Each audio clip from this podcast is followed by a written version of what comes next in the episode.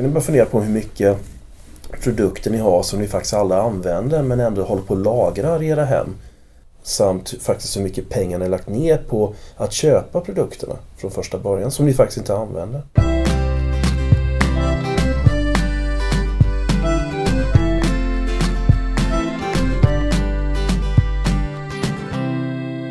Det här är en podcast från Länsförsäkringar Östgöta. Hej och välkommen till den här podcasten från Länsförsäkringar Östgöta. Jag heter Anders Hovegård och i den här omgången av podcastavsnitt kommer jag att träffa och prata med människor som alla har någonting gemensamt. De tänker och jobbar med hållbarhet i fokus på lite olika sätt. Jag är på väg in till eh, A-huset på Linköpings universitet och ska träffa Mattias Lindahl, professor och expert på hållbar produktutveckling. På senare år har han fördjupat sig i eh, lite nygamla företeelser som eh, delningsekonomi, crowdfunding och eh, kanske framförallt cirkulär ekonomi. Och häng med nu, för den här professorn kan förklara saker så att till och med jag begriper.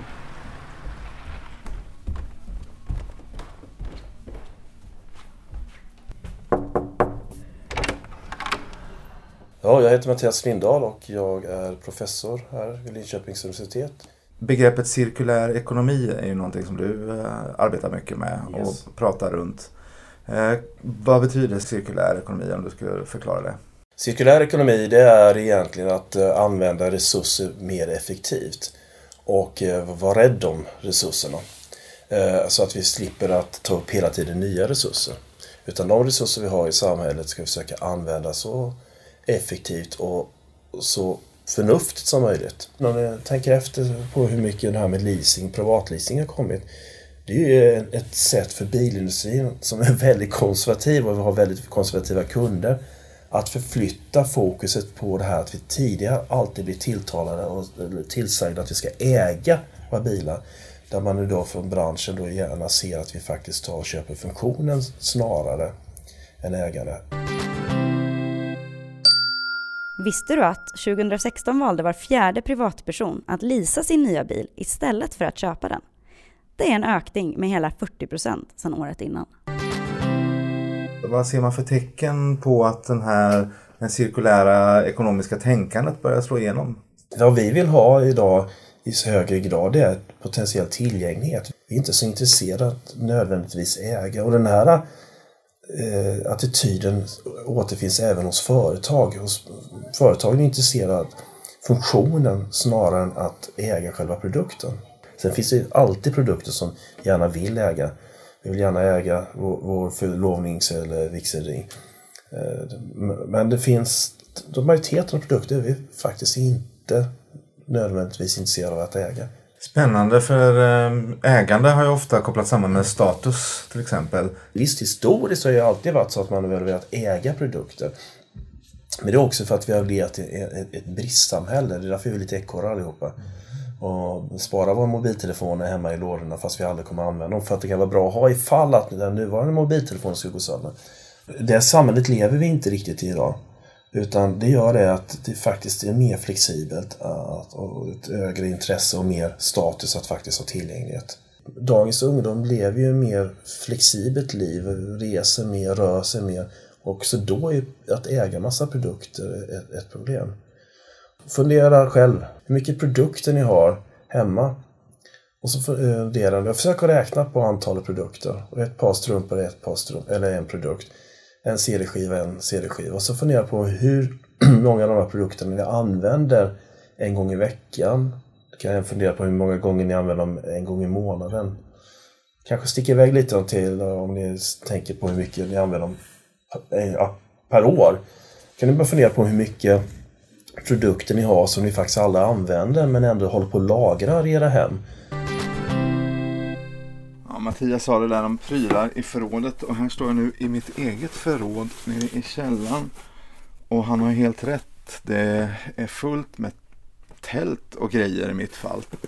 Gammal eh, friluftsutrustning som ligger här och samlar damm. Den här, det här tältet har jag inte använt sedan Sarek 2004 någon gång. Och här har vi en ryggsäck som jag undrar Nej, den har jag inte haft på flera år.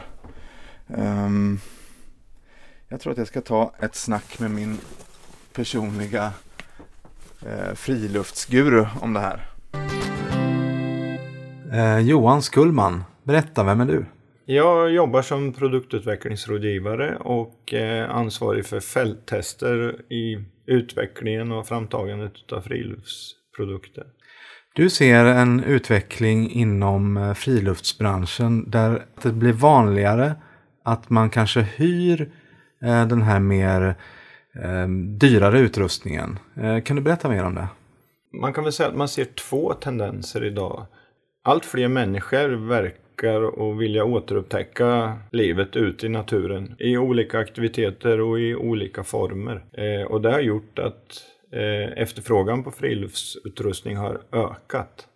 Och det inkluderar då både den kategorin som köper sin friluftsutrustning men sen så finns det nu ett intresse och en, en, en kategori som eh, mera är ute efter att hyra och hyra för de tillfällen och behov man har. Frågor på stan. Hej, ursäkta mig, jag ser att du är på väg in i friluftsbutiken här. Hallå? Finns det någonting här inne som du skulle kunna tänka dig att hyra istället för att köpa? Um, jag har faktiskt inte ens tänkt riktigt på att man kan hyra istället för att köpa. Men, men det vore ju jättebra. Jag har sneglat rätt mycket på ett gasolkök faktiskt. Och jag har ju ett, ett gammalt Trianga hemma som funkar. Det är lite mäckigt att jobba med liksom. Men om, om man skulle kunna prova på att använda ett eh, gasolkök och, och, se om det är liksom värt att, att byta ut det gamla Trianga-köket så skulle det lätt att göra det. Eh, man skulle ju kunna tro att, att uthyrning av friluftsutrustning skulle påverka försäljning, att det skulle kunna påverka de traditionella återförsäljarleden. Men eh, med de eh, uppdragsgivare jag jobbar så försöker man istället se och vända det till en win-win situation. Att hyra ut eh, ibland ganska dyr utrustning till någon som börjar sin introduktion till friluftslivet kan ju vara en eh, gynnsam affär för, för bägge parter. Eh, om man sen på sikt utvecklar sitt intresse då, då kanske man mer är redo att, att skaffa till exempel sitt egna tält eller eh, sin egna ryggsäck. På vägen fram så har man fått prova eh, högkvalitativa produkter och i slutändan så har man faktiskt enklare att göra ett val den dagen man vill skaffa sitt eget. Om man tittar på miljökonsekvenserna av den här, den här nya, man ska säga, kalla det för cirkulära ekonomin inom friluftsbranschen om vi får tänka lite fritt, vad får det för konsekvenser? Eh, att eh, fler människor använder samma produkt? Jag tror att konsekvenserna kan mätas både högt och, och lågt. Eh, ska man ta det mera övergripande så får det den fördelen att vi får ut människor i naturen och lär sig mer om den. Och förhoppningsvis också lär sig att värna om den. I, I det lilla så eh, är det ju så att då kan man höja kvaliteten och nivån på, på den utrustning som, som människor använder. Bland annat för att på ett uthyrningsställe så har man en helt annan förutsättning att vårda och se över och ta hand om grejerna. Sakerna kommer i ett mer effektivt användande än att de ligger och, och kanske huvuddelen av tiden samlar damm i något källarförråd. Ja, Johan Skullman kanske har rätt. Det känns ju onödigt att hamstra på sig en massa grejer som man använder så här sällan. Tänk om alla de här prylarna kunde komma till nytta för någon annan. Det kanske till och med går att göra business på det här. Jag undrar vem som skulle kunna hjälpa mig. Nu hoppar jag upp här. Den här tycker jag är så snygg. En sand, om ni kommer ihåg det. Nu drar jag ner massor här. Emilio-kofta Svensk, jag tror Fifth Avenue Shoe Repair. Kavaj, superfin. Jag heter Ansfi Berghjort och vi är i Norrköping hos Minimera där vi säljer second hand-kläder online. Hur berättar historien om eh, Minimera? Eh, egentligen började den redan 2013 när Linda Lövenlid, min kollega här, fick barn och undrade över varför hon aldrig köpt second hand. Så att hon började på något vis köpa in kläder, först av bekanta och vänner och sen så eh, började man skicka in påsar och hon fotade hemma på vardagsrumsbordet och la upp och sålde. Så att det var så det började, ett eget behov tror jag. Linda, till skillnad från mig, kanske inte, det var inte direkt sprunget ur det här hållbarhetsperspektivet som jag har haft under många, många år, utan hon såg en affärsidé. Att det fanns väldigt mycket resurser som inte användes. Eh, Du pratar om resurser som inte används och folk har fullt med grejer i sina förråd och garderober. Eh, vad skulle du vilja säga till dem? Jag tycker att man ska öppna garderoben och gå igenom sina plagg. Det är en stor process för vi har så enormt mycket. Men att verkligen ställa sig frågan varför jag köpte det här och om jag verkligen använder det. Har jag inte använt det på över ett år, fråga det varför. Det har gjorts undersökningar på att vi i snitt använder 30% max av alla våra plagg i garderoben. Det är också så här att de här plaggen som man inte använder, skulle jag kunna låna ut dem till någon? Kan jag ha ett party där vi byter kläder med andra för att få in något nytt i min garderob? Kan jag skänka vissa delar? Kan jag sälja vissa plagg? Men liksom, det här är ju också, det har ju blivit lite övermäktigt alla grejer vi har och kläder att det nästan är stressande för folk. Eh, och ändå så köper vi bara mer. Men du, jag har ju en del som hänger Ja, i min garderob där ja. hemma. Eh, och, Misstänkte det. Ja, och eh, som jag undrar liksom, vad jag kan, liksom, kan du hjälpa mig? Kan du, kan du ta hand om de här Mm. kläderna? Och skulle, eh, finns, det, finns det alltså pengar för mig att hämta i det här? Ja, det finns det absolut. Vi är på jakt efter dina guldkorn. För det är troligtvis kläder du har investerat i som har ett lite högre värde för dig, som du inte bara vill skänka, men du använder inte. De tycker jag du ska skicka in till mig. Och sen så kan vi ge dig betalt, en provision, för de kläderna du inte längre använder, dina guldkorn. På er hemsida så ser man ju en del nyproducerade grejer trots allt. Mm. Eh, Jag har för mig att det finns lite strumpbyxor och kunde andra saker. Nej, berätta, vad är det för någonting? Det känns som att det är lite avsteg från eran... eh, Ja, alltså jag tycker att man också kan synliggöra goda initiativ. Och jag vet att det är många som vill göra väldigt mycket bra. Och vad gäller basplagg är det ibland svårt att sälja typ second hand kalsonger. Eh, men, men så där tror vi också att man behöver komplettera. Och då, då är vi enormt kräsna. Men Swedish Stocking som vi har tagit in, de återvinner nylonstrumpbyxor i en solcellsdriven fabrik i Italien så, där vattnet bara återanvänds hela tiden så inga kemikalier tillsätts. Så jag vill även tillsammans med andra samarbeten lyfta hållbara initiativ. Det låter som att det- just deras eh, produkter är bra för att vara nya. Ja, Ja. de är jättebra. Du Ann-Sofie, det här låter ju himla spännande och bra. Eh, vad tycker du att jag ska göra nu då när jag liksom eh, har blivit så inspirerad av dig? Ja men då tycker jag absolut att du ska gå in på vår hemsida minimera.se och eh, du som bor i våran region där vi finns i Norrköping, du kan bara komma förbi och lämna in kläder när du har rensat din garderob på dina guldkorn. Annars kan man också beställa en påse på nätet. Och sen kan du gå in och shoppa dig något fint sen när du är klar på vår e-handel. Det ska jag göra. Ja, det är bra.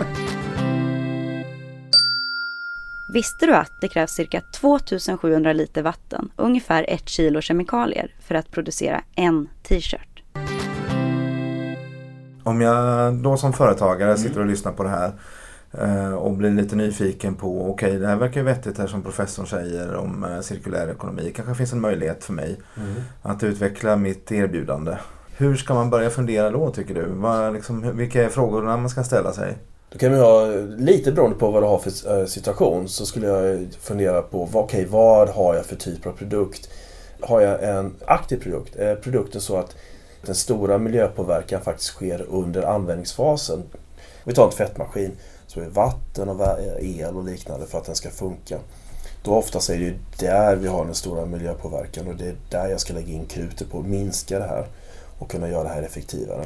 Är det så att jag inte har det utan jag har en produkt som vi brukar kalla för passiv produkt. Till exempel ett bord, en stol. Så skulle jag fokusera på att förbättra mi- min eh, tillverkning så att jag får ner miljöpåverkan från tillverkningen. Eh, Jag skulle också eh, kanske kontakta något universitet. För ibland är det så att, och det har vi sett i många fall, att man är så inne i sina egna tankebanor. Ibland räcker det med att ha en lite kortare diskussion för att få nya tankar och idéer. Just nu så driver jag bland annat ett program, Mistra RIS, som RIS står för Resource Efficient and Effective Solutions, som är ett program på fyra år med, ja, med massa svenska företag som typ Volvo AB och Volvo Car.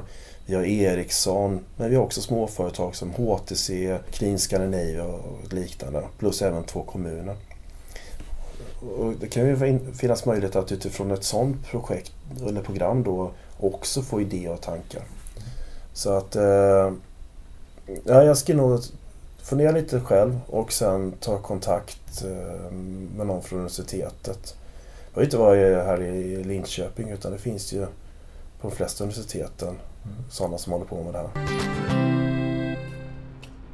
På väg ut i bilen igen efter att ha träffat eh, Mattias Lindahl på Linköpings universitet. Spännande samtal med honom. Man får väl anta att det här är en utveckling som vi bara sett början av och som kommer ställa nya krav på våra företag. Eh, det ska bli spännande att se vilka branscher som hoppar på och utforskar möjligheterna i den här nya cirkulära ekonomin. Eh, det jag ville säga innan vi avslutar är att nästa avsnitt av den här podcasten där träffar vi en tv-meteorolog som börjat jobba på ett försäkringsbolag för att kunna rädda världen. Lova att du lyssnar då. Hej!